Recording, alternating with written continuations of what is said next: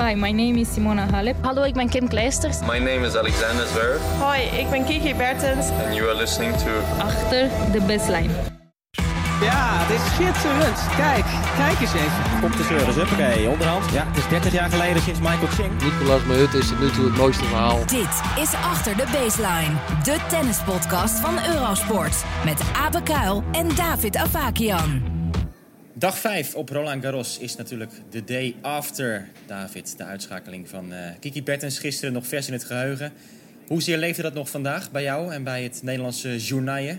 Zeker wel, het leefde zeer bij iedereen. En er waren vele discussies uiteraard gisteren over uh, ja, A, wat er was gebeurd. En B, of ja, zeg maar de situatie die zich voordeed, of dat echt een gevalletje van een virus was. Of dat toch ook misschien de spanning een rolletje heeft gespeeld daarbij en dat alleen maar versterkte. dus er was nog volop praat over Kiki vandaag.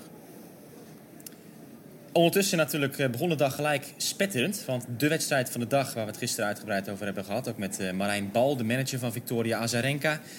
Azarenka op de baan tegen Naomi Osaka. En die wedstrijd viel niet tegen. Nee, zeker niet. Marijn noemde het al uh, ja, een echte clash. En een, een wedstrijd waar, uh, waar Vika, uh, Azarenka dus echt voor, voor leeft. Nou, dat was het ook. Want ze schoot uit de startblokken. En Osaka weer een, een hele trage start. Net als in haar vorige wedstrijd. En ja, lange tijd leek het gewoon alsof Azarenka die wedstrijd over de streep ging trekken. eerste set gewonnen, dik. En toen in de tweede set ja, een, een spannend einde. Waar vooral één bal heel erg uh, bij mij is blijven hangen. Dat is een volley die Azarenka er op een cruciaal moment miste. Waardoor ze op voordeel was gekomen. En een tiebreak had afgedwongen. Nou ja, die miste ze. En uiteindelijk verloor ze die game. En uiteindelijk de wedstrijd. Nou ja, ze stond natuurlijk ook riant voor in die partij. Set en 4-2, meen ik, uh, in die tweede ja. set. Dus alles leek erop uh, op, op te wijzen dat Azarenka die wedstrijd zou gaan winnen. Maar ja, Osaka uh, tegen Smitlova kroop ze door het oog van de naald. Nu dus ook tegen Victoria Azarenka. En dat bewijst dan toch ook weer natuurlijk dat zij in korte tijd zo'n zo'n kampioene is geworden. Nee, 100 procent. En we hebben het eerder aangekaart. En ik blijf dat maar herhalen. Zij heeft echt iets heel bijzonders. Iets wat alle andere leeftijdgenoten en andere, ook oudere speelsters niet hebben. Ja, dat gevoel van uh, ik, ik, ik ga grote, grote dingen bereiken in mijn leven en in mijn carrière. En dat straalt ze nu uit. En zo, zo speelt ze ook. Ze weet wedstrijden om te draaien uit het niets. Ook al heeft ze totaal geen ervaring hier op Roland Garros uh, uit het verleden. Dus het is ontzettend knap om dat uh, keer op keer weer te zien.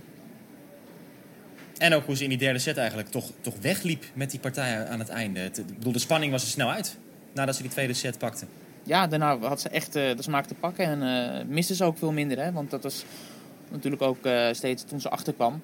kwam grotendeels ook gewoon door haar eigen fouten. En dat weet ze dan elke keer toch weer op te schonen op het juiste moment. Om maar gelijk eventjes dan die volgende ronde erbij te pakken. Want Osaka, we keken al een beetje uit naar een clash misschien met Maria Sakkari in die derde ronde. Maar de Griekse nummer 29 geplaatst, waar ja, toch ook veel over wordt gesproken dit toernooi. Een gevaarlijke outsider. Zij verloor verrassend van Katerina Siniakova. Een partij van 3 uur en 10 minuten. Dus op papier is dat voor Osaka dan toch ja, een, een betere tegenstander, zou je ja, denken. zeker. En uh, Siniakova, het is een speelster die we best wel goed kennen. Maar tegelijkertijd ook een ja, niet echt een hele geweldige periode achter de rug heeft. De afgelopen paar jaar is zij helemaal niet doorgebroken waar het wel verwacht werd. Als een nie... In het dubbelspel heeft ze, heeft ja. ze meerdere Grand Slams gewonnen, ja. dat wel. Met, uh, met, met haar Tsjechische partner Barbara Krejcikova. Volgens mij vorig jaar trouwens ook Roland Garros. Ja. Uh, schiet me ineens te binnen. Maar goed. Uh... Maar ja, we gaan het zien, ja. Oké, okay, um, natuurlijk Verder weer de vraag. Ik zat vanmorgen commentaar te geven bij de wedstrijd van Dominic Thiem. Daar komen we straks over te spreken. En toen kwam er ook een shot in beeld op Eurosport van de aankomst van Serena Williams. En ik, ik schrok eigenlijk, want Serena kwam uit die auto en het linkerbeen, de linkerknie... Ja, daar, zat, daar zaten echt lage tape omheen. Dat was echt niet te geloven. En je zag haar ook een beetje strompelen, want ze moest een, een, een trapje af... en dat ging allemaal niet heel soepel.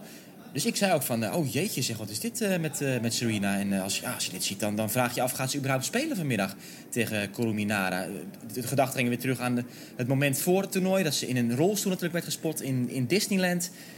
Maar ja, niet alleen speelde ze vandaag, ze won toch vrij overtuigend ook. Ja, ze speelde tegen Colominara, een heel klein Japans speelstertje wil ik zeggen. Al klinkt dat wat oneerbiedig misschien. maar ontzettend goede ja, goede tennisser die, die echt die, die rallies aangaat uh, met iedereen. Dus ook met Serena Williams. Ja, knap uh, zich er doorheen gevochten in twee sets. Wat heel belangrijk is voor Serena om niet te verzanden in allerlei hele lange wedstrijden. Waardoor ze ja, weer, of die knie, waar ze dus last van heeft, dat ze daar problemen mee krijgt. of ergens anders mee in de problemen komt. Dus echt ja, goed van haar dat ze daar doorheen is gekomen zo. Maar ja, goed, dat fysieke deel dat blijft toch echt nog wel een vraag. Ze gaat nu aantreden tegen een landgenoot in de derde ronde, Sofia Kenin. Die heeft een walkover gekregen van Bianca Andreescu. Dat is weer zo'n mooie derde ronde partij die we op voorhand hadden bedacht. Die dan helaas dus niet doorgaat. Andreescu haakte gisteren al af met schouderproblemen. Hoewel Kenin trouwens ook wel een gevaarlijke ja. speelster is. Die ook dit jaar uh, een beetje aan het opkomen is. Ja, zeker. En ook uh, zeg maar in het Amerikaanse uh, gedeelte. Zij speelde vorig jaar de finale van de Fed Cup. Hè? Kenin, waar ze een hele belangrijke ro rol vervulde. En dat was voor haar haar eerste wedstrijd ooit. Uh, geloof ik, althans ze debuteerde dat jaar of in, in die finale zelfs voor de Verenigde Staten. En kwam daar heel goed voor de dag. En dat is een soort springplank gebleken, gebleken ook voor dit jaar, want ze heeft best wat mooie resultaten al neergezet. Ja, Serena Williams is ook het, uh, het, het, thema voor jou geweest met jouw gesprekken met Kim Kleijsers, die natuurlijk elke dag plaatsvinden hiervoor achter de baseline. En laten we maar gaan luisteren naar het, uh, het interview van jou met, met Kim. En natuurlijk ging het daarin ook over het feit dat ze allebei tennismoeder zijn. En grappig is nog, Kleisters heeft natuurlijk drie Grand Slams gewonnen nadat zij uh, tennismoeder was. En Serena Williams, zij is nog op jacht naar haar eerste major sinds zij is uh, bevallen van haar dochtertje. Het interview hier met Kim en David. Kim, ik wil het graag over Serena Williams hebben vandaag. Iemand die je heel goed kent. Je hebt in 1999 tegen haar gespeeld, je hebt in 2009 tegen haar gespeeld. En we zijn nu weer tien jaar verder. Ja, ben je net zo onder de indruk als, als iedereen eigenlijk dat zij nog steeds op de baan staat? Zeker en vast. Um, ik denk ook wat we de laatste twee wedstrijden van haar gezien hebben. De eerste set van het toernooi was, was echt niet goed. Maar de manier waarop dat zij het el elke keer opnieuw haar niveau kan, kan doen veranderen en kan laten stijgen, vind ik, um, ja, vind ik enorm uh, indrukwekkend om te zien. En um, de manier waarop dat zij staat, ja, nog blijft vechten en, en, en ja, gewoon proberen nog, om, nog altijd te blijven verbeteren, om, om terug fitter te worden na die zwangerschap. En waar dat ze die motivatie blijft halen, vind ik uh, zeker indrukwekkend. Als we even duiken in het verleden, in 1999, toen jij tegenover haar stond, had je toen al het gevoel: dit is een speciaal meisje? Ja, sowieso. Ik denk toen was er ook wel al een, een hype rond de zusjes Williams. Omdat um, ja, de vader hun, hen ook heel lang heeft afgeschermd van, van het circuit, zal ik maar zeggen. En, en uh, ja, beslist om geen juniorenwedstrijden te laten spelen en zo. Dus er was toen wel een, een al wat een, een, ja, een hype rond hun. Um, en, en hoge verwachtingen, denk ik wel al. Maar uh, ja, dat was voor mij ook een unieke wedstrijd. Ik, ik herinner me dat moment nog heel goed. Um, dat was uh, op de US Open. Ik stond 5-2 in de derde set voor. Um, en uh, ja, toen heb ik die wedstrijd nog uit handen gegeven. Maar um, ik werd ook wel zenuwachtig. Maar langs de andere kant ja, had zij dat toen ook al. Zij begon meer acen te slaan. Begon nog alles nauwkeurig, nauwkeuriger naar die hoeken te spelen.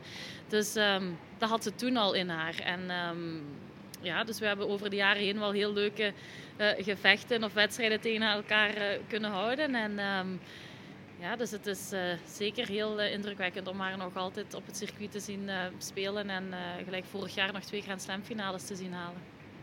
Ja, in 2009 ontkomen we niet aan. Toen stond je tegenover haar op de US Open. Een explosieve wedstrijd, een explosief einde ook daarvan. Is dat iets wat in de jaren daarna nog, nog, nog vaak in je hoofd opkomt? Gewoon niet echt. Um, dat komt nog wel eens naar boven als, als uh, in, in, de volgende um, momenten die dat ze gehad heeft, die op dat moment leken. Uh, dus ik denk, uh, ja, dit, vorig jaar tegen Naomi Osaka um, ja, is, is, er toch ook wel een beetje een uitbarsting van haar geweest. En dan krijg ik wel um, terug wat aanvragen om, om dat moment te delen met de, met de internationale pers.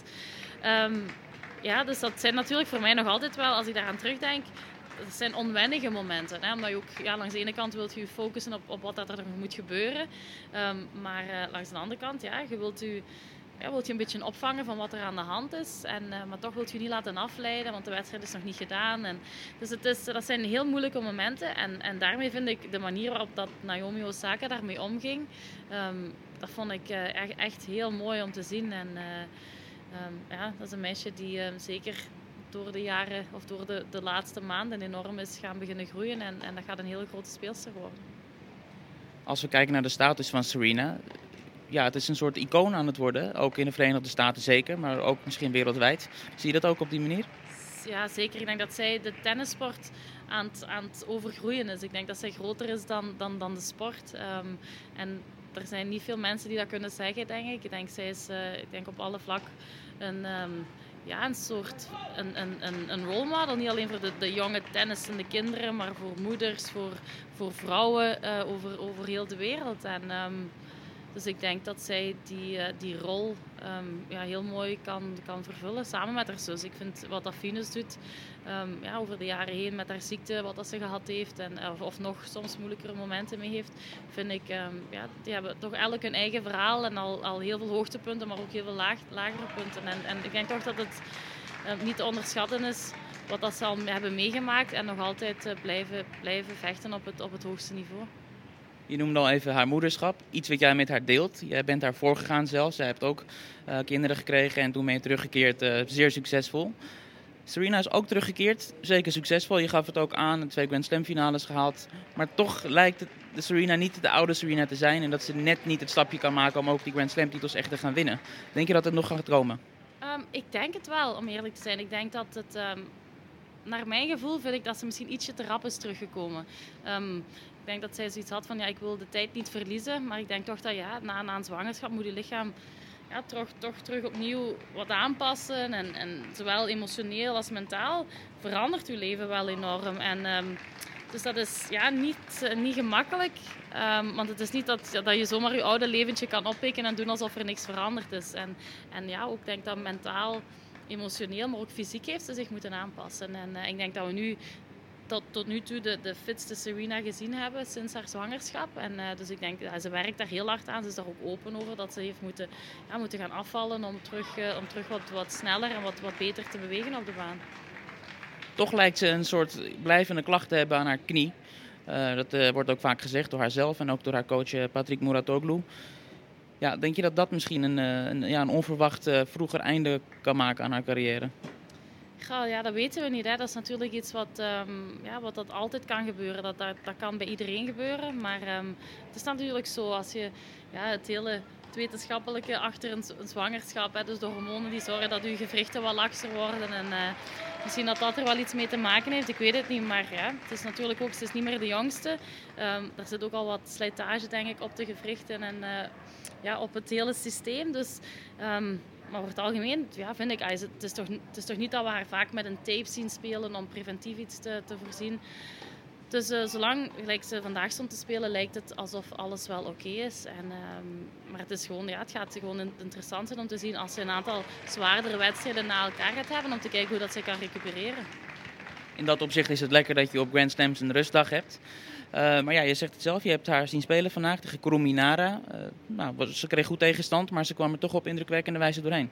Ja, ik denk dat het voor haar vandaag een, een heel leuke wedstrijd was voor Serena. Om tegen iemand gelijk Nara te kunnen spelen. En, en om te kunnen ja, toch goede rallies hebben. En weten dat ze, dat ze goed moet tennissen. Maar, uh, maar langs de andere kant ook weten dat de tegenstrever haar niet van de baan gaat slaan. En uh, dat het eigenlijk in haar handen lag. Um, maar uh, ja, ze is enorm goed ook in deze wedstrijd, vind ik. Heel goed beginnen serveren. Um, terug agressiever geworden op de terugslag echt die zijlijnen heel snel opgezocht en de punten kort gehouden. En dat is iets wat ik toch wel merk sinds dat ze terug begonnen is, is dat ze toch veel meer initiatief neemt om, om de rallies nog korter te, houden. Ja, David, dat was uh, een uitgebreid interview met Kim Kleisters. En uh, diverse dingen zijn natuurlijk daar besproken. Ik vind het grappig dat jij begon over de US Open van 2009. Ja, dan schieten bij mij zelf gelijk weer allerlei beelden naar boven. Want dat was toevallig de eerste keer dat ik zelf aanwezig was bij de US Open. En dat moment het werd aangestipt, het werd niet echt uh, uitgesproken hier, echt, echt aangegeven wat er nou gebeurde. Even het geheugen opfrissen voor mensen die het misschien niet weten. Maar tien jaar geleden, halve finale, US Open, Kim Kleisters tegen Serena Williams. Toch een van de meest besproken wedstrijden, denk ik wel, ja, uit, uit uh, de carrière van Serena sowieso. Ik, ik zou bijna zeggen uit de open era van het vrouwentennis. Want Serena werd daar gedisqualificeerd aan het eind van die partij. Ze kreeg, uh, ja, ze, ze, schoot uit haar, uit haar naad omdat ze een voetfout tegenkreeg op een cruciaal moment tegen Kim Kleijs. Ze had al een keer een, een racket gesloopt ook. En nou ja, ze ging naar een lijnrechter toe en riep woorden, echt dreigende woorden van... ik ga deze bal door je strot duwen. Beetje netjes vertaald nog. dat dat ja. gebeurde ook allemaal gek genoeg precies voor mijn neus. Ik zat precies in die hoek daar. En je ziet Serena zo op je afkomen. En dan die lijnrechter ervoor. Nou, dat is natuurlijk mega intimiderend.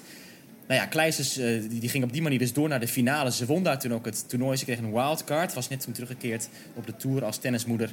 En zou uiteindelijk uh, drie Grand Slam titels winnen. Na haar bevalling, drie van haar vier Grand Slam titels in haar carrière heeft ze, heeft ze behaald als tennismoeder. Maar eh, ja, leuk interview natuurlijk, eh, David. Zijn er nog momenten die er bij jou uitsprongen waar je even op terug wil komen? Ja, ik vind het gewoon eh, heel mooi hoe, hoe Kim zo uitgebreid ook die vragen beantwoordt. En dan ook weer de tijd weet te vinden om, om Venus erbij te halen op het juiste moment. Eh, om die ook in het zonnetje te zetten. En ja, goed, eh, het, het feit dat zij in de jaren 90, in de jaren 2000 en dan tegen elkaar gespeeld hebben. Ja, wie beter dan Kim Kleisjes kan, kan Serena becommentariëren, als het ware. Ja, en ze verwacht natuurlijk toch wel veel van Serena, geeft ze ook aan. Ehm, ja, de knieproblemen heb je het over gehad. Nogmaals, toch even zeggen, dat is dus niet iets nieuws van nu. Het is niet iets nieuws van dit jaar. Patrick Mouratoglou, ja, die zegt het vaker. Het is echt gewoon een chronisch probleem. Ja, en ik vraag me eigenlijk af, eh, het zou leuk zijn als jij eh, of, of, als iemand Mouratoglou die vraag nog kan stellen, dit toernooi ook van... Wanneer heeft zij nou voor het laatst zonder knieproblemen gespeeld? Want eh, het, het is toch zorgwekkend als je ziet nu ook hoe ze dan aankomt op zo'n toernooi. Ja, de, de vraag werd ook gesteld van dat moment in die rolstoel. Wat was dat nou precies? Daar wilden ze niks Ja. over zeggen in de, in de persconferentie. Ehm, ik, ik maak me daar echt wel zorgen over. En ik vind dat dat eigenlijk vrij onbe- onderbelicht is in de hele dingen die worden besproken over Serena. Van gaat ze dat Grand Slam record halen, ja of nee? Ja, ze is bijna 38 en fysiek... Het kan volgens mij ook zomaar klaar zijn met Serena. Het, het dreigt echt wel gewoon op het fysieke vlak... volgens mij eh, binnen afzienbare tijd mis te gaan met Serena. Nou, dat is ook de reden dat ik die vraag stelde aan, eh, aan Kim. Eh, waarin ik zei van ja, maar het is leuk dat ze, dat ze weer, weer af, afgevallen is en dat ze weer fit is. Hè? Dat ze zo oogt althans. Maar ja, zo'n zo'n knieblessure, dat kan je gewoon eh, dat allemaal blokkeren uiteindelijk. Dus het is inde- inderdaad onderbelicht en niet helemaal duidelijk wat daar aan de hand is. En ik hoop zeker nog gedurende dit toernooi daar eh, uitsluitsel over te vinden. Ja, dat gaan we dus eh, in de gaten houden. Serena Williams over twee dagen nogmaals tegen Sofia Kenin in actie. Simona Halep kwam later op de dag de baan op op het koers Suzanne Langlen. Nou ja, dat leek allemaal soeverein te gaan. Ze pakte de openingsset tegen de Poolse Magda Linet. Echter ineens keer eh, een opleving van Linet in de tweede set. En toen kwam er nog een, eh, een derde set aan. Toen stelde Halep orde op zaken. En zo ging de titelverdedigster toch nog door. Nummer drie geplaatst hier, Simona Halep. Het was ook de dag, David, van de teenagers. Amanda Anisimova, 17 jaar, wint van Arina Sabalenka met 6-4, 6-2. Toch een eh, waanzinnige uitslag. En Iga Swiatek, jij hebt haar een keer genoemd in deze podcast al, wordt morgen 18 jaar, is nu de nummer 104 van de wereld. En zij sloeg Wang Chang met 6-3, 6-0 terug naar China, de nummer 16 geplaatst. Kreeg een, eh, een pak slaag van Swiatek. Wie is dat, David? Weet ik niet. ja, nee, ik, ik weet er eh, nog niet heel veel over. Wat ik wel weet is dat, eh, dat mensen ja, haar toch gezien als de opvolgster van eh, Agnieszka Radwanska. Hè? Iemand die, eh, die is weggevallen. Ontzettend populaire speelster. Eh, de populairste speelster. Misschien wel als we kijken naar de verschillende prijzen die zij heeft gewonnen. van Fans Favorite Awards en dergelijke. Jaar in jaar uit inderdaad, binnengesleept Jaar door in, jaar uit, ja. ja. En dat kwam natuurlijk door haar zeer aansprekende speltype en een ontzettende gevoel wat zij in haar handen had. Ja, nee, ik, ik, ik moet bekennen dat ik nog eh, niet in het dossier Swiatek ben gedoken. Maar als ze op deze manier doorgaat, dan is dat eh, vroeger, eh, ja, hoe zeg je dat? Sooner rather than later. Ja, ik word hier omringd door allerlei buitenlanders. Ik raak de Nederlandse taal een beetje kwijt. Ik weet wel dat jij inmiddels een wat groter dossier al hebt van Amanda Anisimova. Dus daar kan je wat meer over vertellen. Oh ja? nee, nou ja, goed. Amanda Anisimova hebben we vaker zien spelen uiteraard ook. En ze heeft al eh, wat grote namen uitgeschakeld in het verleden. We hebben gezien hoe zij Kvitova heeft gepakt een keer. Eh, we hebben haar tegen Kiki Bertens onlangs nog gezien hè, in Rome. Waarvan ja, er toch mensen waren die zeiden van... oh ja, maar als ze van, van Anisimova al niet, eh, niet kan winnen... of daarom moeite mee heeft, dan gaat het misschien niet goed. Nou ja, dat is gewoon een ont- ontzettend goede speelster... waar echt heel veel van verwacht wordt. En samen met een aantal andere jonge Amerikaanse speelsters... ja, toch de toekomst zal zijn van het land. Ja, en zij is dus echt, eh, echt nog maar 17. Dat duurt nog een paar maanden voordat zij 18 jaar wordt. Ehm, inderdaad, die wedstrijd tegen Bertens was in Rome. Ze was twee punten af daar van de overwinning. Amanda Anisimova. En ook iemand met een hele zuivere techniek. Als zij in vorm is, hoe makkelijk zij die ballen slaat. Die backhand is met name echt, echt schitterend om naar te kijken. Ja, dat is er echt wel eentje die, ehm, die waarschijnlijk hele grote dingen gaat doen. En op zich, zij zit nu heel goed in het schema. Want ze heeft Begu in de volgende ronde. En dan sowieso ook weer een ongeplaatste tegenstander mogelijk in de vierde ronde. Dus ja, Anisimova in de kwartfinale is echt geen gekke gedachte. Ik zou zelfs willen zeggen, zij is de favoriete nu in dat deel van het speelschema om daar die laatste acht te halen. En dan zou ze eventueel Simona Halep kunnen treffen. Ja, Andere- nou, eh, Begu is overigens geen, eh, geen walkover. Want die heeft eh, in het verleden ook op Grand Slams wel eens, is, is best wel eens ver gekomen. En als die in Ja, vorm en, is, en is goed dat- op gravel. Goed op gravel. ja. Heeft hij niet de kwartfinale gehaald ooit? Kwartfinale, dat durf ik niet... eh, Nee, nou dat zou kunnen. In ieder geval eh, een goede speelster. Ja. Ehm, verrassingen. Caroline Garcia ging eruit tegen eh, Blinkova. Wat was het ook alweer? Pannenkoek? Pannenkoek, zeker. Blien.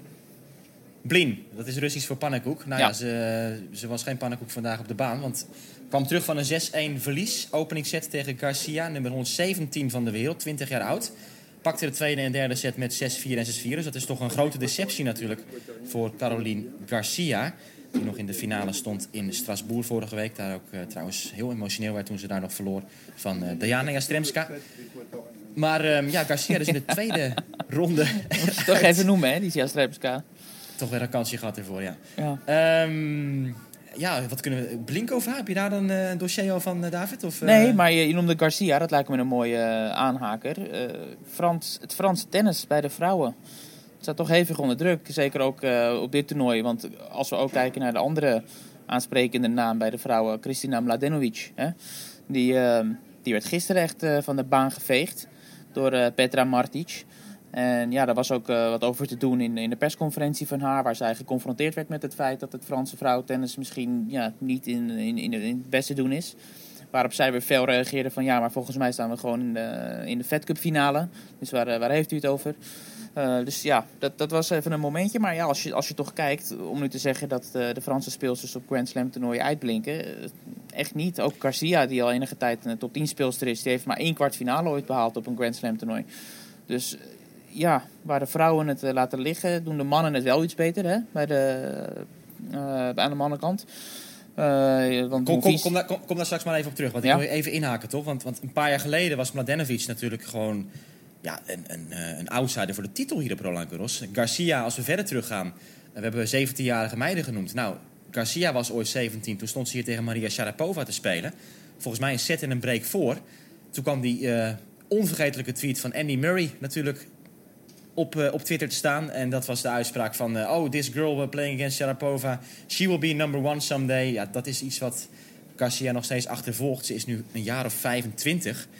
En die blijft er ook maar hangen. Ze heeft natuurlijk even die opmars gehad twee jaar terug... toen ze in Wuhan en in Beijing won. Toen werd ze volgens mij nummer vier van de wereld. En ze is weer weggevallen. Dus eh, ja, natuurlijk ook vrij fragiel op de baan. Vaak snel emotioneel met een, met een, een vader die heel gepassioneerd... en, en misschien soms een beetje te ehm, fanatiek ook meeleeft met zijn dochter. Ja, dat is, dat is toch lastig. Ja. ja, al is het wel een speelster waarvan de groundstrokes zo mooi zijn. En dat is natuurlijk wel vaker bij die Fransen, hebben we al eerder aangekaart. Ja, maar Die, ze is eh, hyper, hyperkritisch. En als er Ja. één dingetje misgaat, dan, dan kan het ook zo snel helemaal misgaan. Dat is toch eh, jammer om te zien. Zeker. Andere vrouwenpartijen nog, voordat we dus de overschakeling maken naar de mannen. Een wedstrijd die er eh, ook toch wel uitspringt om diverse redenen... is de overwinning van Monica Puig op Daria Kasatkina. Over talenten gesproken die blijven hangen. Kasatkina, 6-3, 6-1 verloren Ja. van Puig. En ik zag een statistiek. Het is de eerste keer voor Puig dat zij in de derde ronde van een Grand Slam staat... sinds zij goud won bij de Olympische Spelen van 2016 in Rio de Janeiro. Ja, eh, bizar. Overigens, eh, we kunnen ook wel weer eh, noemen dat Puig dus ook een van de cliënten is van Marijn Bal, die in de vorige podcast naar voren kwam. Ja, eh, toch een speelster die vooral wordt geassocieerd met hardcourt, hè? Want waar ze ook eh, de Olympische Spelen op won in eh, Rio de Janeiro. Power tennis, vlakke slagen. Ja, ook een speelster waar denk ik wel meer van verwacht werd en nog niet helemaal heeft kunnen waarmaken ehm, ja, wat haar potentie dan zou moeten zijn. Maar ja, knappe overwinning op eh Kasatkina. Maar ja, Kasatkina die, die worstelt ook al enige tijd. En die moet ook de boel even op een rijtje krijgen voordat ze weer die mooie dingen kan laten zien die ze in het verleden heeft laten zien en waarmee ze de top 10 bereikte. Ja, maar dat zal toch lastig worden nu. Want het gravelseizoen is altijd eh, de beste periode normaal gesproken voor Kasatkina. Ze heeft echt een, een dramatisch seizoen tot dusverre. En dan gaat ze dus op deze manier nu ook eh, Roland Garros af. Komt het gras eraan. Daar heeft ze het sowieso lastig. Dus eh, ja, dat wordt echt een, een moeilijk jaar. Verder ook voor Kasatkina ben ik bang. Andrea Petkovic, gouden ouwe. Zij wint met 8-6 in de derde set van She Su Wei uit Taiwan. Petkovic Ja, dat, dat ook, is leuk. eh, hè? Leuk, Bijzondere leuk. speelster, bijzondere dame ook altijd. Absoluut. Een van de, de leukste interviews die ik ooit gehad heb, eh, is met, met Petkovic geweest. Want dat is zo'n intelligente eh, speelster. Die is, van, die, weet, die is echt van alle markten thuis. Die is eigenlijk te slim om te tennissen, wil je bijna zeggen. Die is met veel te veel dingen in haar hoofd bezig, waardoor ze eigenlijk niet gefocust kan zijn op haar tennis. Nee, heeft een tijdje ook rond die tiende plek gestaan, maar is echt heel ver weggevallen ook. Een eh, moment dat ook nog plaatsvindt op de baan, dat ehm, was het optreden, of althans de afscheidsceremonie van Lucy Safarova. En eh, die heeft in 2015 de finale gehaald op Roland Garros. Die verloor ze toen van Serena Williams. Nou ja, dat was een, eh, een mooi moment. Ze werd echt in het zonnetje gezet. Ze kreeg, ze kreeg zo'n, ehm, ja, hoe moet je dat zeggen? Zo'n, zo'n uitsnede van, van het gravel. Of, ja, met, met alle lagen Ja. van de grond, et cetera. Dat, dat is een beetje de standaard actie die ze hier doen als spelers afscheid nemen. Ja, dat was mooi, want ehm, ze zei ook, dit was het meest eh, bijzondere toernooi altijd voor mij. Dit toernooi op Roland Garros en Safarova natuurlijk een geweldige speelster geweest. Ja. Lefty uit Tsjechië, een van die eh, eindeloze Tsjechische wereldtoppers bijna zou je kunnen zeggen. Nummer 5 van de wereld ook geweest. Ja, ja, en leuk dat ze dus uitgerekend na de wedstrijd van Serena op de baan kwam. Dus dat was nog mooi symbolisch. Ja, klopt. Dat waren de vrouwen voor vandaag, David. Ja. En dan ehm, gaan wij dus de switch maken naar het mannentoernooi. En dan laat ik jou gelijk maar even je verhaal over het Franse tennis eh, afmaken. Ja, nou goed, ik, ik zat toevallig, ik zit nu op eh, Philippe Chatrier overigens. Eh, nou, heb, zit ik een keer ergens anders niet in het perscafé, hebben we het daar helemaal niet over. Ja, ik ben veel Eh, te jaloers. Daar gaan we niet over, over spreken. Ik dacht, Ja. eh, ik zie je daar zitten. Ik denk, eh, ja, nee, ik, ik zit dus in Chatrier, waar ik net nog het, het, het staartje van de wedstrijd van Luca Pouille tegen Martin Klizan meepakte. Ik zeg het staartje, maar die wedstrijd is nog niet afgelopen, want hij werd onderbroken bij een achterstand voor Luca Pouille.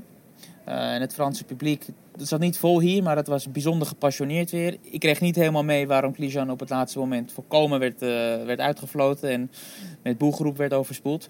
Nee, want jij zat toen klaar voor de opname van de podcast inderdaad. Dat kunnen we even uitleggen. Het is nu eh, tien voor half tien in de avond. Het spel ligt stil, maar jij zit daar nog lekker buiten in je polootje, zie ik, eh, David. Je hebt het nooit koud, dat weet ik. Nee, inderdaad. Dus eh, ja, ik moest even wachten totdat dat kabaal voorbij was. Anders was deze eh, podcast niet te beluisteren geweest. Ehm, maar ja, Poei die, die leeft dus nog. Maar ja, als we kijken naar de andere namen die door zijn in het Franse tennis... dan denk je natuurlijk meteen aan Monfils, die het heel goed doet. Een, een, een bekende naam. Efficiënt die- ook weer vandaag. Echt Ja. snel klaar met, met Ja. zijn landgenoot Manarino. Zeker. Eh, nou ja, Tsonga die heeft al verloren van Nishikori, zagen we gisteren. Eh, maar er zijn wat, wat jonge spelers die het heel goed hebben gedaan. eh, zoals Antoine Wang. Hele leuke nieuwe, nieuwe naam. Hij versloeg vandaag Verdasco.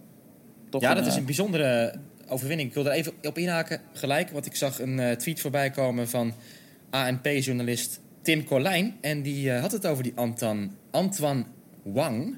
H-O-A-N-G spel je dat.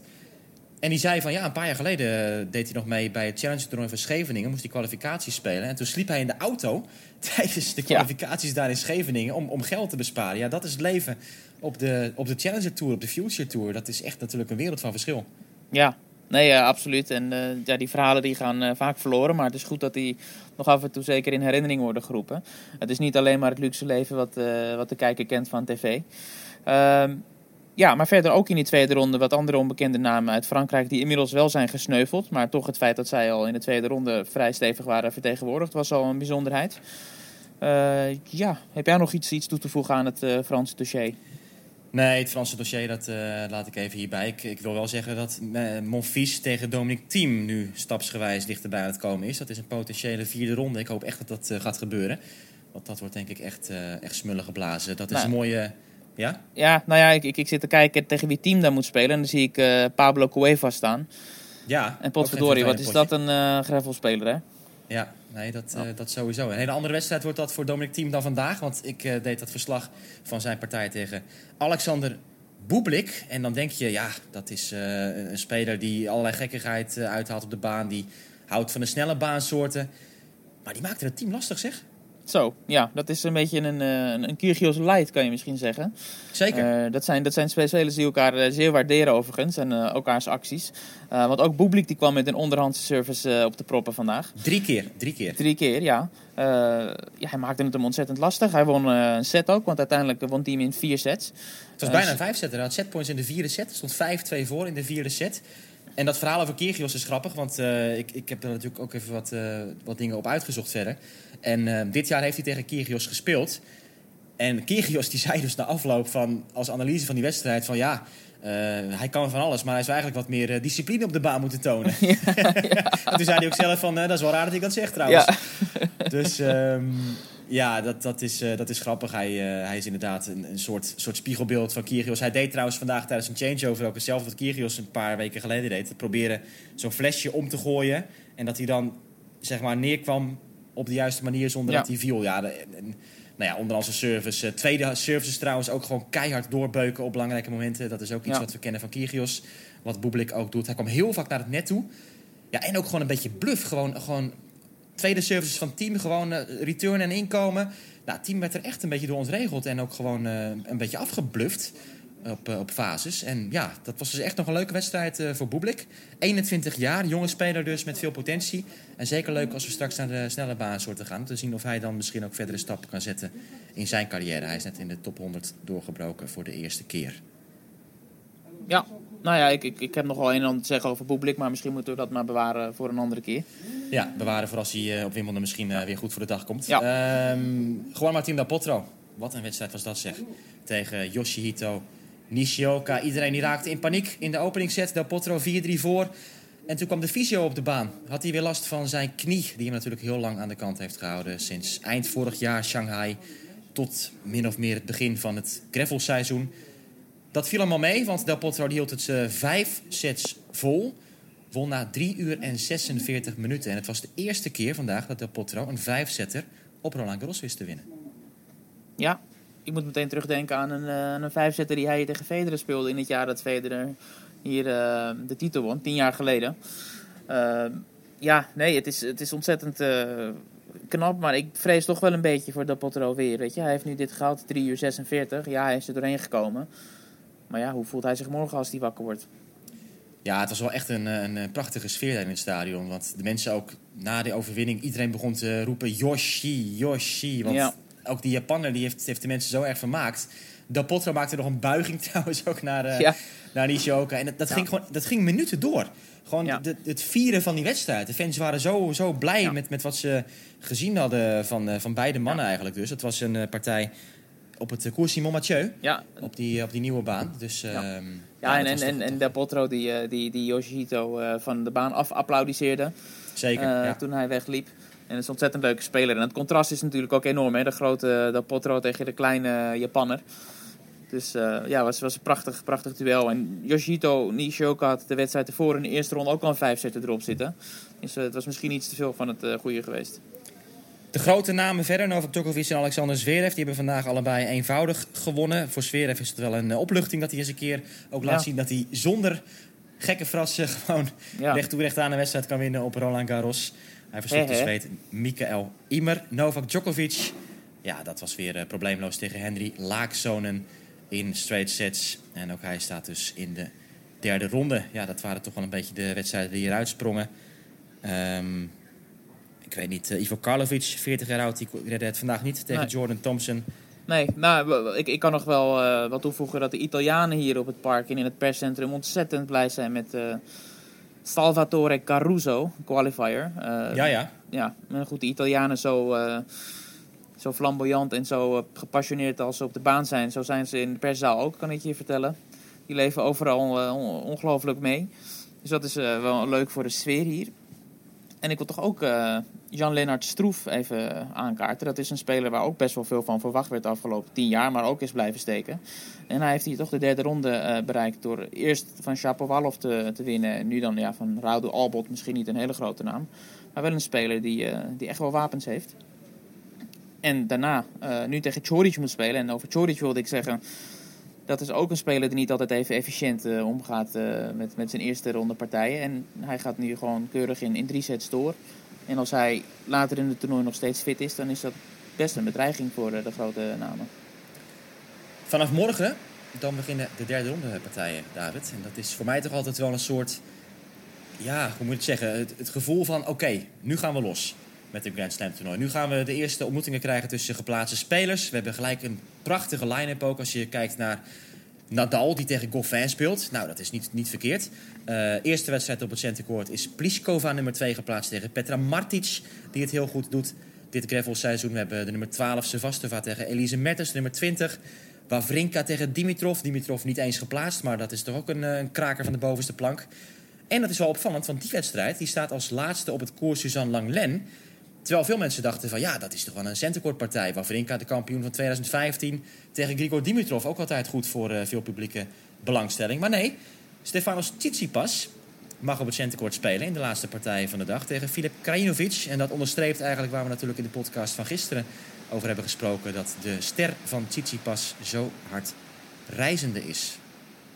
Absoluut. Het is... Uh ja, eigenlijk wat Marijn Bal gisteren een beetje over Osaka zei, is misschien in iets mindere mate wel het geval voor Tsitsipas. Het is echt een, eh, een, een magneet. Hè? Zoveel fans heeft hij uh, al vergaard. Uh, waar hij moeite mee heeft, zeg maar, onder spelers om, om fans te genereren, lukt dat bij de fans veel makkelijker. ik, ja, ik, ik, we hebben het er samen nog over gehad. Hij wordt ook part-time gecoacht door Patrick Muratoglu, hè? Dat, de grote Franse coach die ook Serena Williams bijstaat. Misschien dat dat ook nog een rol heeft gespeeld bij die aanwijzing op Centerport. Roger Federer op het koers Suzanne Langlen. Vorige ronde was het andersom, dat Nadal op het uh, koers Suzanne Langlen speelde en Federer op het centercourt. Dat hebben ze dus nu keurig omgedraaid. Federer dus tegen Casper Ruud. Um, ja, Conta tegen Koesmova. Daar hadden we natuurlijk graag de naam van Kiki Bertens gezien. Dat is een wedstrijd op het uh, koers Simon Mathieu. Kortom, toch weer veel om naar uit te kijken morgen, David. Ja, Benčić Vekic, ook nog op court one aan het einde van de dag, is een, uh, is een mooi affiche. Ja, we gaan ervan uh, van genieten. We gaan weer kijken wat we morgen voor leuke dingen kunnen bespreken. Muguruza tegen Svitolina natuurlijk. Svitolina, waar Kim Kleijsers toch wel nog wat van verwacht. Muguruza, ja, eh, aardig opgebloeid. Die vond jij indrukwekkend ook in de eerste paar uh, wedstrijden, heb ik je een paar keer horen vertellen. Kampioen natuurlijk van 2016. We gaan zien of dat ook een spetterende wedstrijd gaat worden. Wij zijn er morgen weer. Bedankt voor het luisteren. En graag dus tot snel weer voor de volgende aflevering van onze dagelijkse podcast vanaf Roland Garros van Achter de Baseline.